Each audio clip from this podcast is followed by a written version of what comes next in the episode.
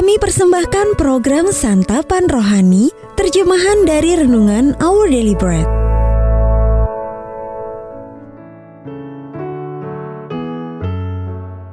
Sahabat ODB, pembacaan Alkitab hari ini terambil dari Yohanes pasal yang ke-16 ayat yang ke-25 sampai dengan ayat yang ke-33. Yohanes pasal yang ke-16 ayat yang ke-25 sampai dengan ayat yang ke-33. Semuanya ini kukatakan kepadamu dengan kiasan. Akan tiba saatnya aku tidak lagi berkata-kata kepadamu dengan kiasan, tetapi terus terang memberitakan Bapa kepadamu. Pada hari itu kamu akan berdoa dalam namaku, dan tidak aku katakan kepadamu bahwa aku meminta bagimu kepada Bapa. Sebab Bapa sendiri mengasihi kamu karena kamu telah mengasihi aku dan percaya bahwa aku datang dari Allah. Aku datang dari Bapa, dan aku datang ke dalam dunia. Aku meninggalkan dunia pula dan pergi kepada Bapa.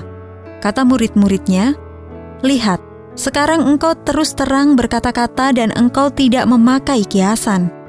Sekarang kami tahu bahwa engkau mengetahui segala sesuatu dan tidak perlu orang bertanya kepadamu. Karena itu, kami percaya bahwa Engkau datang dari Allah. Jawab Yesus kepada mereka, "Percayakah kamu sekarang? Lihat, saatnya datang, bahkan sudah datang, bahwa kamu dicerai beraikan masing-masing ke tempatnya sendiri, dan kamu meninggalkan Aku seorang diri. Namun Aku tidak seorang diri, sebab Bapa menyertai aku. Semuanya itu kukatakan kepadamu supaya kamu beroleh damai sejahtera dalam aku. Dalam dunia kamu menderita penganiayaan, tetapi kuatkanlah hatimu. Aku telah mengalahkan dunia. Ayat Mas Renungan hari ini terambil dari Yohanes pasal yang ke-16 ayat yang ke-33.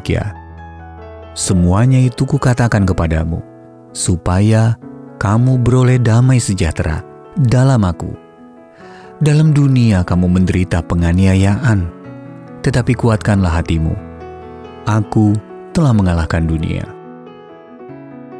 Judul renungan kali ini, Manjakan Diri atau Mencari Damai, ditulis oleh Adam Halls. Manjakan dirimu, begitulah bunyi iklan bak mandi air panas yang mencuri perhatian dan membuat saya berpikir.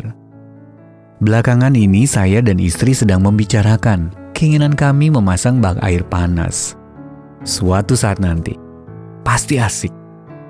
Kecuali sesudah itu kami harus membersihkannya, membayar tagihan listriknya. Dan tahu-tahu, sesuatu yang tadinya terkesan sebagai ide yang baik mulai terdengar mengerikan. Ajakan untuk memanjakan diri sangat menarik karena menjanjikan sesuatu yang kita inginkan. Kelegaan, kenyamanan, perasaan aman, pelarian. Semua itu sangat menggoda dan memikat.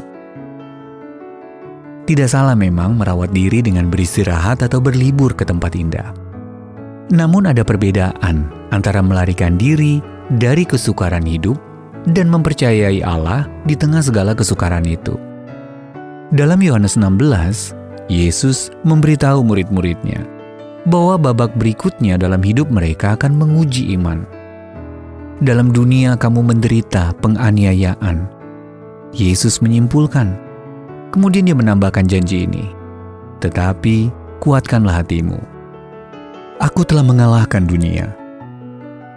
Yesus tidak ingin murid-muridnya menyerah dalam keputusasaan. Sebaliknya, dia mengundang mereka untuk mempercayai dia dan mengetahui kelepasan yang dia sediakan. Semuanya itu kukatakan kepadamu, katanya, supaya kamu beroleh damai sejahtera dalam aku. Yesus tidak menjanjikan kehidupan yang bebas dari masalah dan derita. Namun, dia memang berjanji Apabila kita percaya dan bersandar kepadanya, kita akan mengalami damai sejahtera yang lebih dalam dan lebih memuaskan daripada pelarian apa pun yang dunia tawarkan. Sahabat ODB apa saja ajakan memanjakan diri atau pelarian yang ditawarkan dunia di sekitar Anda?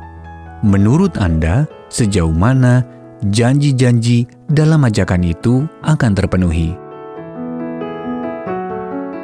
Bapak tolong aku untuk mempercayaimu, supaya aku boleh mendapat damai sejahtera dan kelegaan di dalammu.